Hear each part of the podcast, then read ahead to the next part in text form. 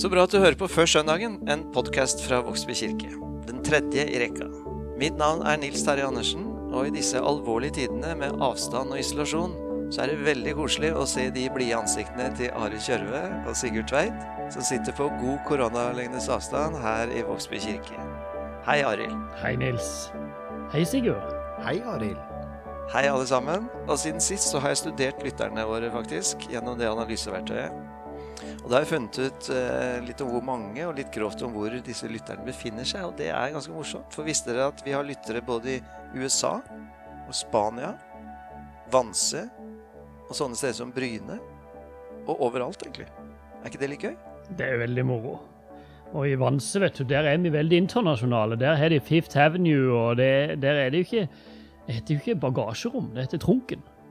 Ikke vel? Så det er liksom Vanse, det er et internasjonalt landskap. Welcome to Before the Sunday in Vågsbygd, the first vende. Ja, det er sterkt, eh, Sigurd. Men var det engelsk eller kvitseidsk? Det var engelsk. Ja, det var det. det. Var det. Det var godt, det. Men Nils, har du gått solo siden sist, eller? Hva mener du med det? Nei, jeg trodde vi var team her. Et radioteam, ikke vel, Sigurd? Der vi eh, på en måte kommer sammen og lager podder og i det hele tatt. Men jeg syns jeg opplever at disse poddene popper opp sånn eh, jevnlig, jevnt og trutt. Ja, men det er jo ikke solo. Jeg driver og ringer biskoper og Autofil Larsen og kulturredaktøren og lokale folk og sånn. Så spør jeg dem om de har et um, ord eller dikt eller bibelvers eller noe sånt som de holder fast i da, i denne tida her. Det er en slags sånn håps uh, bitte liten minipod da, som kommer mellom våre litt lengre. De er på 7-8 minutter. Og i går så fikk jeg besøk av Meadow. De kom til kirken, tre stykker av dem, et band og spilte inn en sang som eh, jeg la ut nå, bare for noen timer siden. Så det er jeg litt stolt over. Men det, det er ikke solo, altså. Det vil jeg ikke kalle det. Nei, du skal få for den. Det er veldig bra. det. Ja. Men uh, det var egentlig søndagen uh, vi skulle snakke om førstkommende søndag. Ja, det er det med, med, med skø. Men jeg må likevel si at det er, det er noen mange bra folk som har gjengesolo. Jeg tenker på han eh, Henning Kvitnes, for eksempel. takk, takk skal du ha, Sigurd. Men du, jeg kjenner på en litt slik rar følelse, jeg. I dag tidlig så våkna jeg og trekte for gardinen, og der ble jeg møtt av en utrolig fin dag. Sol i skein, og du ser at våren er på gang. Og så må vi ikke glemme at vi skal stille klokka. Hvorfor må vi ikke glemme det? Nei, vi må, Hvorfor ikke hva? Nei, må ikke glemme at vi skal stille klokka? Det er ikke noe gudstjeneste man kan forstå seg fra nå? på? Jo, det er det, Nils. På søndag er det gudstjeneste i alle steder. Ja. Den skal jeg ha. Og da kan du istedenfor å furte litt over menigheten som ikke du får truffet på søndag, Ja. da kan du stå opp, ta på deg slåbroken hvis du vil det, alt etter som. I hvert fall komme på kjøkkenbenken, bli med i den gudstjenesten. Sammen der ute. Sammen med meg i, i kirka. Eh, Liturgien ligger ute på hjemmesida vår. Så kan vi ha denne gudstjenesten sammen. Og det er jo sånn at det er mange ting på Facebook om dagen. Mange som streamer gudstjenester osv. Så, videre. så det er muligheter. Det er bra. Men så snakker du om at en måtte kunne forskjøve seg, Nils. Ja. Nå tror jeg eh, vi, vi forskjøver oss ikke lenger, Nils. Vi har blitt så voksne at vi våkner tidlig på morgenen uansett. Vi er stive i ryggen, altså. Ja. Og så må vi slå lands. Ja, vi må det, men det, det er ikke tema i dag, eh, Sigurd. Det er helt riktig. Men jeg begynte på en, på en fin dag, og så ble jeg avbrutt av, av deg, Arild. For jeg så liksom ut glasset, og da så jeg en vakker natur. Men allikevel så kjente jeg på en uro for den vakre naturen. Ja, Vi ser det i, i media at den skjuler noe skummelt. Og eh, her i Norge så, så tror jeg stort sett det skal gange bra, for vi har rikelig med, med vann og såpe. Men eh, slik er det ikke alle plasser. Og derfor så tenker jeg at eh, en liten oppfordring skulle vi støtte, oppfordre til å støtte Kirkens Nødhjelp, Mm. fasteaksjon. Mm. Og da kan de vippse til nummer 2426. Mm. 2426. Mm. Det er en god oppfordring å gi, Sigurd. Og så må vi pensle oss litt tilbake til søndagen. Vi skal snakke med en uh, hyggelig fyr, en god teolog, vil jeg påstå å si han er. Det er du enig i, Sigurd? Nils er jo òg antageligvis enig i det, fordi det er nemlig han og Mia som skal ha denne samtalen. Mia har samtale med Nils, og jeg har tatt meg friheten til å spørre Mia om å lese den teksten som de skal snakke sammen om nå etterpå. Det er en god idé. Og det er jo sånn at i første episode så las vi, gutter. Det gikk jo sånn helt middels, kan vi ikke si det sånn? Vi var enige om at vi burde øve litt mer, og det var kanskje ikke høytlesning som var vårt eh, store tema på, på skolen. Nei, det hørtes virkelig ikke bra ut. Så vi må øve mer skal vi ut på radioen, Arild. Ja, vi må faktisk det. Så da leser Mia i dag, før vi hører samtalen sammen med Nils. Og dette er evangelieteksten for fjerde søndag i fastetida. Det står skrevet i evangeliet etter Johannes i det ellevte kapittel, vers 45 til 53. Mange av jødene som var kommet til Maria og hadde sett det Jesus gjorde, kom til tro på ham. Men noen gikk til fariseerne og fortalte hva han hadde gjort. Da kalte overprestene og fariseerne sammen rådet, og de sa, Hva skal vi gjøre? Dette mennesket gjør mange tegn. Lar vi ham holde på slik, vil snart alle tro på ham. Så kommer romerne og tar både det hellige stedet og folket vårt. En av dem, Kaifas, som var øverste prest det året, sa da, Dere skjønner ingenting. Dere tenker ikke på at det er bedre for dere at ett menneske dør for folket, enn at hele folket går til grunne. Dette sa han ikke av seg selv, men fordi han var øverste prest det året, talte han profetisk om at Jesus skulle dø for folket. Ja, han skulle ikke bare dø for folket, han skulle også samle til ett de Guds barn som er spredt omkring. Fra denne dagen la de planer om å drepe ham.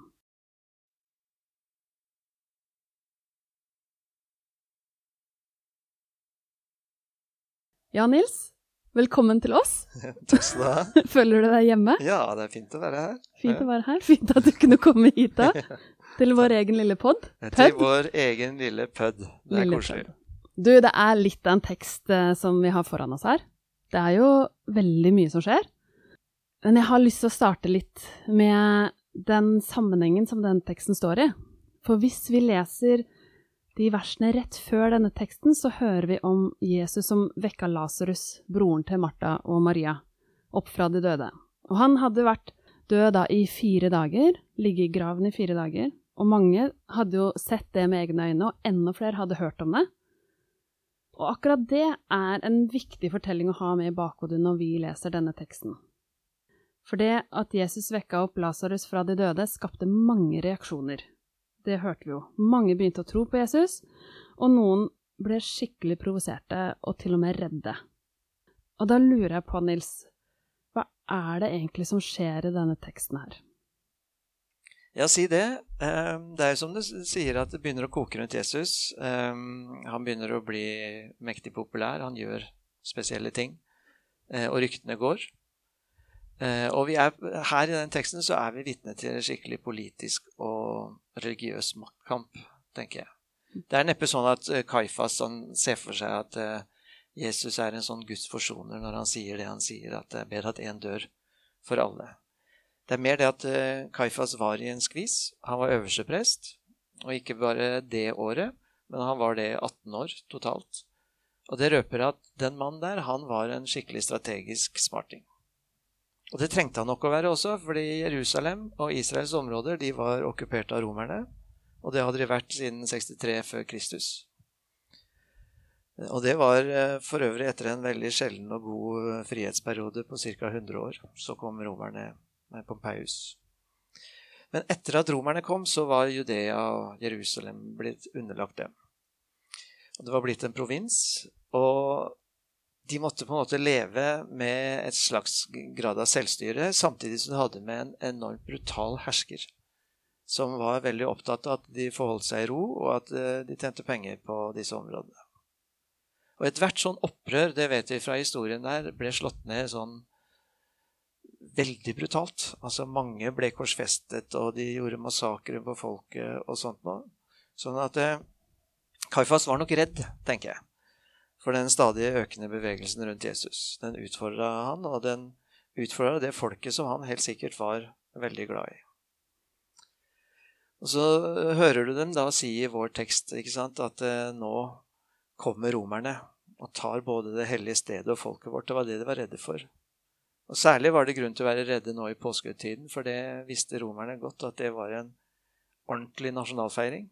Mye viktigere enn vår 17. mai. De feirer frigjøring fra Egypt og dannelsen av sitt eget land og, og friheten. Og da fulgte romerne ekstra godt med. Og i og med at de hadde erfart da, hvordan de grep inn overfor sånne trusler, så samla de seg nå for å diskutere den trusselen som Jesus innebar. Ja så, ja, så de hadde rett og slett fått liksom et problem, da? Og det var Jesus? De hadde fått et kjempestort problem fordi um, han gjorde ting, som du sa, og sa ting som tente folk. Uh, mm. Han fikk følgere som anså han som en stor lærer og til og med profet. Og de begynte å bli hviska om den ventende Messias. Og på den tiden der så eh, leste de f.eks. Eh, Salomos salmer, som var et veldig populært skrift for jødene på den tida. Eh, det var skrevet noen titalls år før Jesus. Og der skildres Messias komme med stor lengsel, altså.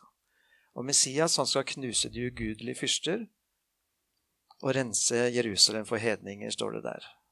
Så dette her var storpolitisk dynamitt, og Jesus var en som kunne utløse den ladningen. Så det måtte de forhindre, og i tillegg så utfordra Jesus det religiøse lederskapet også med ting han sa og ting han gjorde, veldig direkte. Så de hadde liksom gode grunner til å bringe Jesus i taushet. Og det tenker jeg på når jeg leser den teksten, at vi vet det fra norsk krigshistorie også, at eh, det er veldig vanskelig å lede et land underlagt en annen makt, litt i kontrakt med denne makten som okkuperte. Eh, da ender man fort opp som en quisling. Ja, det du sier, så, altså quisling Jeg kvekker litt når jeg hører det navnet.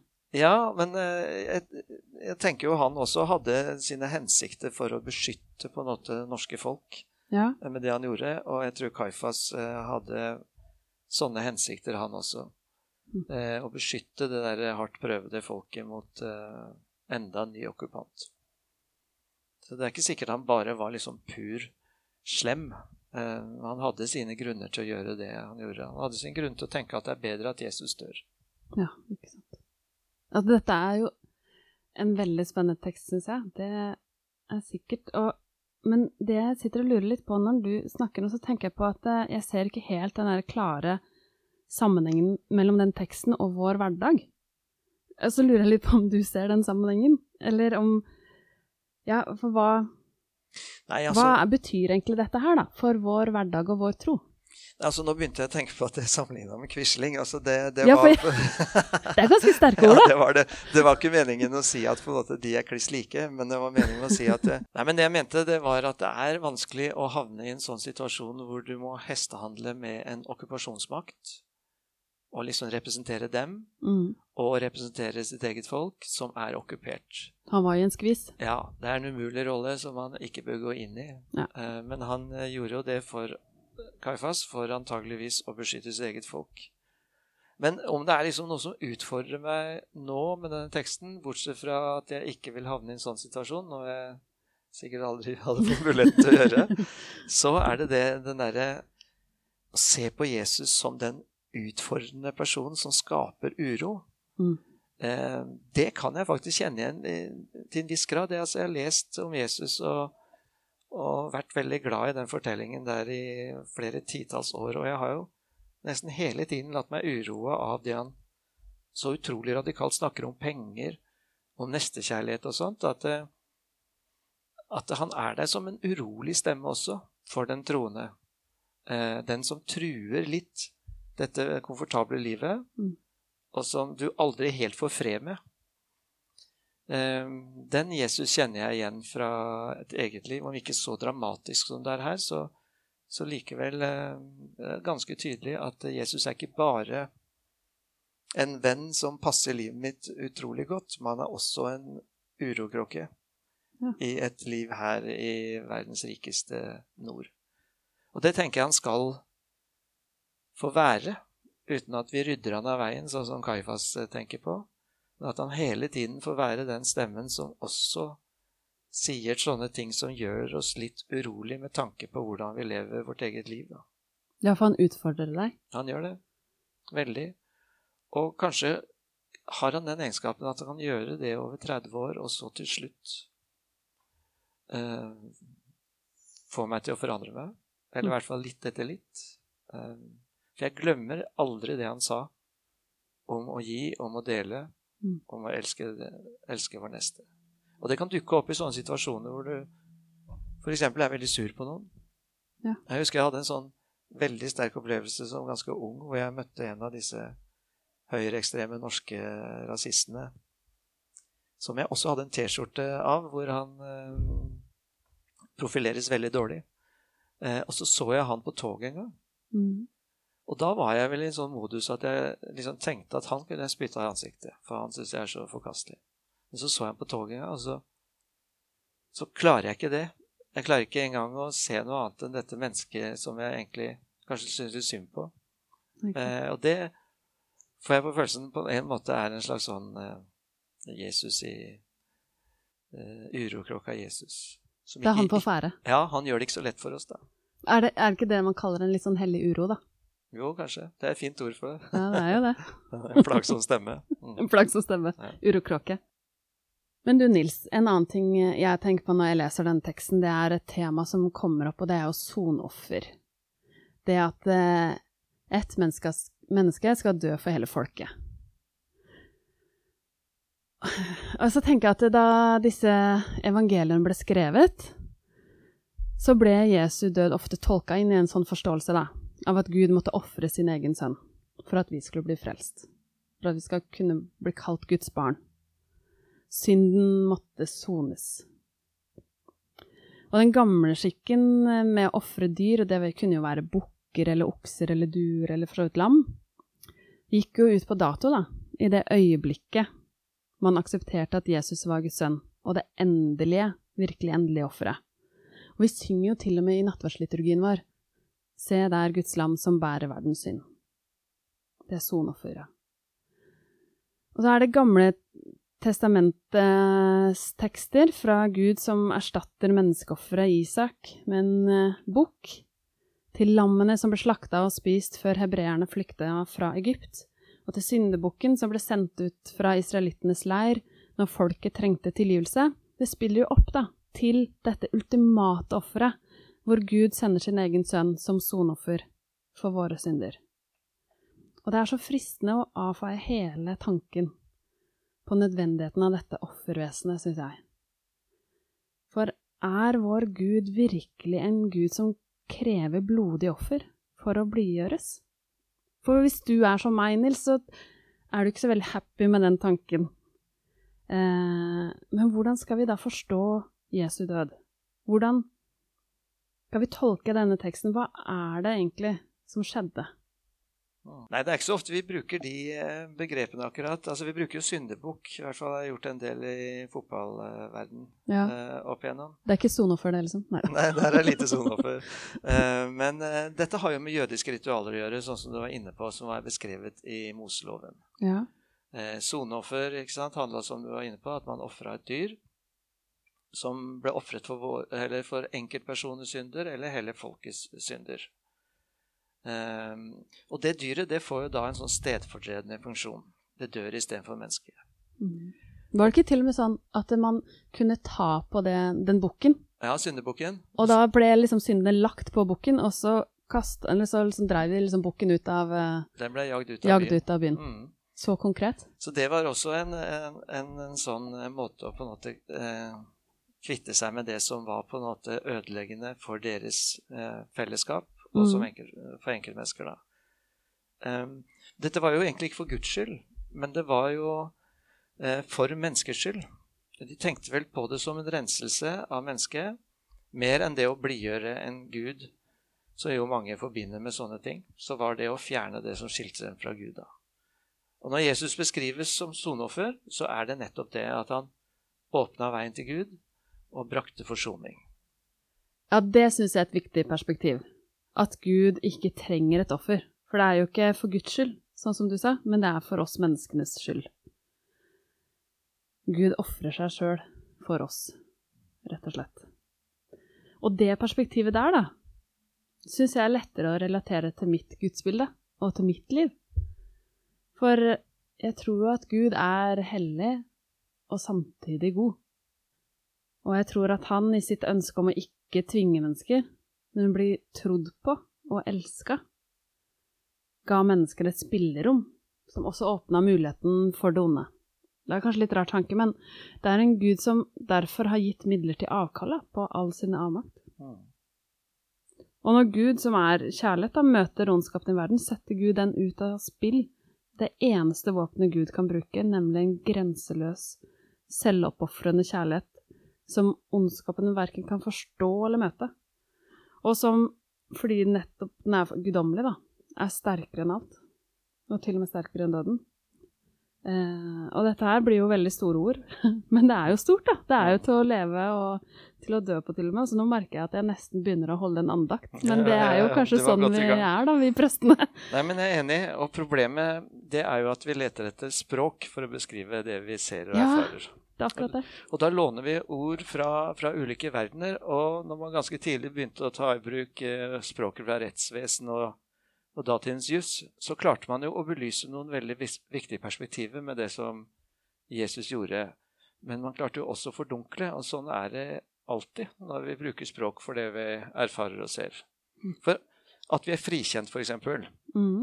i Kristus, det er et uh, godt uttrykk. Frikjent er et deilig ord, ikke sant? Men hvis man bruker bildet videre som selve sannheten, så dukker det kanskje opp etter hvert en ja, forsmådd eller krenka en som anmelder noe, eller en sint aktor eller rigid dommer, eller sånne ting, og så lager bildet i seg selv et gudsbilde som ikke er særlig bibelsk.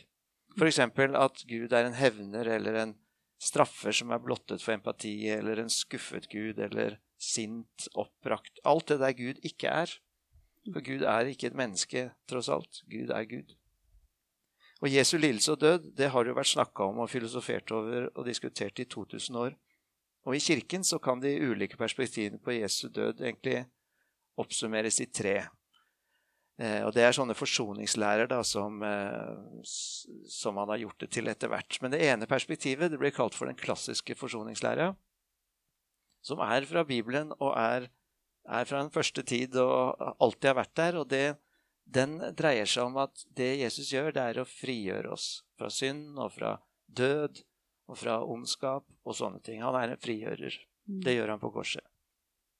Et annet perspektiv blir kalt for den objektive forsoningslæra.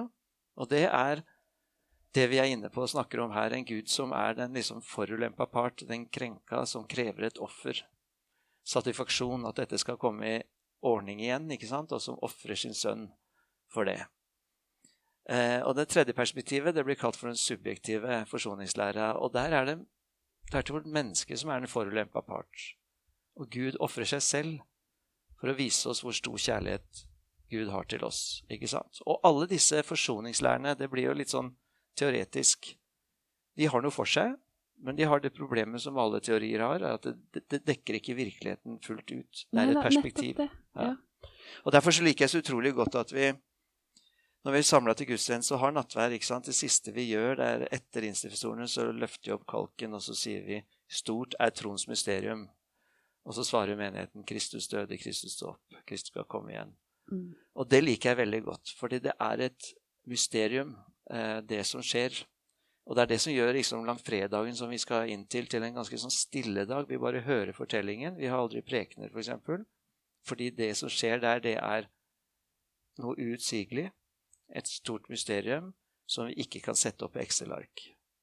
Men likevel så holder vi fast i det, fordi det, det skjer noe der. Gud gir seg selv for oss, setter oss fri, bryter dødens makt. Eh, det feirer vi i gudstjenesten og hver eneste nattvær, og det skal vi feire i påsken også, selv om vi ikke kan ha gudstjenester. Det her at skillet mellom dommeren og den dømte blir oppheva. At Gud går inn i lidelsen, inn i menneskers sted. Eh, at dommeren blir den dømte, som Karl Barth eh, skrev en gang. Og det derre mysteriet at Gud både blir offeret og gjerningsmannen i ett øyeblikk. Han henger der både som den uskyldige ramma og den skyldige. Og Derfor så er korset Det representerer både trøst og forståelse, men det representerer også noe vi kan bli rasende på, nemlig alle som har gjort oss vondt, alle som gjør andre vondt. Han dør også i deres sted. da. Mm. Eh, på korset. Derfor så er korset et sted for både sorg og sinne og kjærlighet og alt det. Og Det er veldig utfordrende, tenker jeg. Det er et mysterium. Og da kan jeg til å tenke på Olivier Clement, en ortodoks teolog, som sier at den eneste måten å nærme seg mysteriet på, det er ved å feire det. Hm. Og det kjenner jeg meg igjen i, altså. Eh, når det blir teori, teori og når det blir Excel-ark, så, så, blir det en slags avstand. Ja. Eh, men når vi feirer det i en gudstjeneste, så er det akkurat som det blir en del av meg og del av oss. Ja, det er fint. Er det derfor du er så glad i gudstjeneste? Jeps.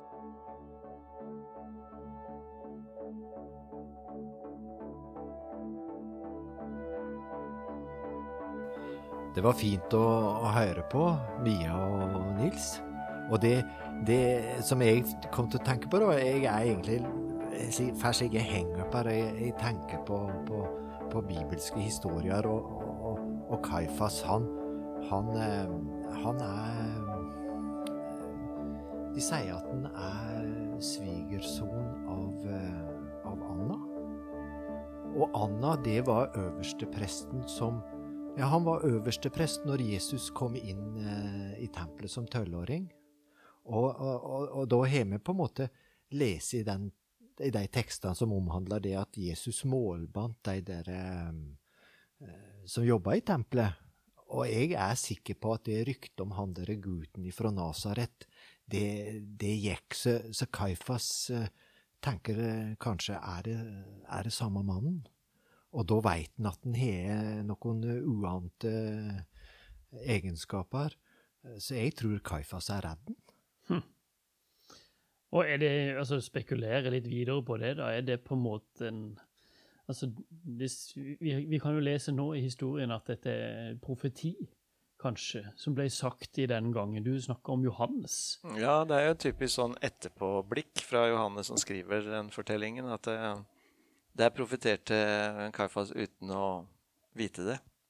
Han sier fordi han var øverste prest i året, men eh, eh, jeg tror ikke det var ment sånn av Kaifas, for å si det sånn. Nei, sant.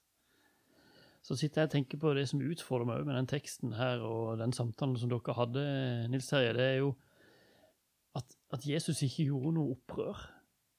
Han, han var på en måte eh, stille.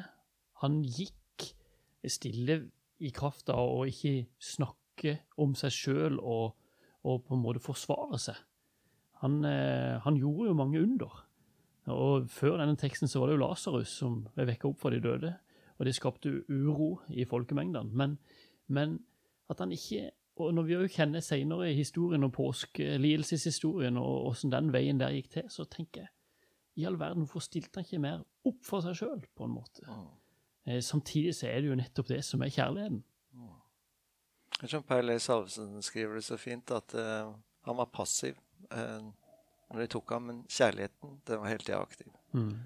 Ja, men det er det jeg liksom, skal ha tenkt mye på Judas. Altså, det er så utrolig trist, den historien om Judas. Så jeg tenker kanskje var det det som skjedde, at han ble fryktelig skuffa over den Jesus han hadde liksom sett så sterk og uh, fikk med seg masse følgere og gjorde sånne ting men i møte med, med, døden og i møte med de som skulle ta han, så, så ble han som et lam, som mm. Jesaja sier, som et lam på vei til slakting. Mens Judas kanskje hadde håpa på en konfrontasjon ikke sant? med maktene og myndighetene der. Og så, kanskje derfor han angir han også, for å mm. sette opp en konfrontasjon. Mm. Sånne, det er jo bare spekulasjon, men sånn kan jeg tenke. Nils, du snakker om mysteriet i samtalen med Mia den eneste måten å nærme seg dette mysteriet på, er å feire det. Mm. Hva mente du da? Nei, Det har jeg fra Olivier Clement, en ortodoks teolog. Han øh, sier det sånn, og det treffer meg veldig mye. For at uh, særlig når vi går inn i påsken av den Jesu død og Jesu oppstandelse, det er såpass stort og svært at uh, Eh, hjernen og sånt kan ikke romme det, og det, er, det, blir vanskelig å forstå alle ting. Du går noen sånne blindgater. Men det kan feires, og da kjenner jeg at det treffer meg. Og det er det som er så forbaska i år, at vi ikke kan holde gudstjeneste. Forståelig nok pga. Uh, situasjonen, men uh, det kommer jeg til å savne veldig. Mm. Men det er jo noen andre ting som skjer. da. Vi har jo denne podkasten. Til uka skal vi intervjue Perley Salvesen, som jo, er kriminolog i tillegg til å være teolog, så han kommer sikkert til å snakke mye om noen av de tingene vi har snakka om i dag. Og vi har eh, et påskeopplegg som presten i Oddernes har lagt ut på, gitt oss, som vi legger ut på nett, så at hver dag i en stille uke så kan du følge det som meditasjoner. Så har vi lurt på om vi skal streame gudstjenester. Vi har ikke gjort det til nå fordi det er så veldig mye annet bra som ligger ute på Facebook og nettet. Men vi kommer nok til å ta opp eh, noen gudstjenester i, på de tre helligdagene skjærtorsdag, langfredag og påskedag. Fordi at det, eh, det er fint å se kirka si i en sånn høytid. da. Og så veit jeg at uh, menighetspedagogen her, lager et flott, fint opplegg for barn Eh, en slags barnepod. Der får vi konkurranse, da. Ja. Nei, det er veldig bra. Og så skal, vel, eh, skal de vel sette opp korset på eh, kirkebakken? Ja, det skal de, og det blir vel litt, brukt litt aktivt at folk legger blomster der på påskedag og slike ting. Ja, for jeg tenker Nå veit jeg ikke om våren blir så tidlig, men det er veldig mye fine blomster i mm. skråningen der. Kanskje en kunne plukka noen av dem og lagt på korset. Mm. Det er fint eh, Kanskje han kunne tatt med seg en stein hvis det var noen som hadde noe som var tungt å bære på, så at det ble et bilde på at han legger fra seg noe på, på, på korset. Ja. Hm. Og så har jeg tenkt på én ting. Den derre fine, eller fine og fine, da, den derre muren. Hvis en hadde hatt med seg noen kritt, ikke sprayboks, men kritt, og så tegna på den. Der hvor noen har tagga 'Jeg elsker deg'? Ja. ja det er verdens koseligste tagg. Ja. Nei, Det er veldig fint. Og så minner vi igjen om det Sigurd nevnte innledningsvis om fasteaksjonen til Kirkens Nødhjelp. Eh, du sa det så fint 24 26. Altså Der blander du en del sånne tellemåter. Og da holdt Arild på å rope bingo. Men det er altså 24-26. Hvis du vipser eller sender tekstmelding til det, så kan du gi Siden vi ikke kan sende ut konfirmantene i år for å samle inn eh, penger. Så det er fint om folk støtter opp under den. Og Hvis du vil ha litt mer informasjon om når det kommer pod og alle sånne ting, så kan du abonnere på nyhetsmailen vår. Da går du inn på Vaksby kirke, og så finner du en adresse der som du bare skriver deg opp på. Send det til en i staben, eller? Ja. ja. Voksbykirke.no. Det var egentlig det vi hadde for denne gang. Neste gang så får vi Paul Salvesen på visitt. Eller vi skal i hvert fall intervjue ham. Takk for at du følger oss, og takk for nå.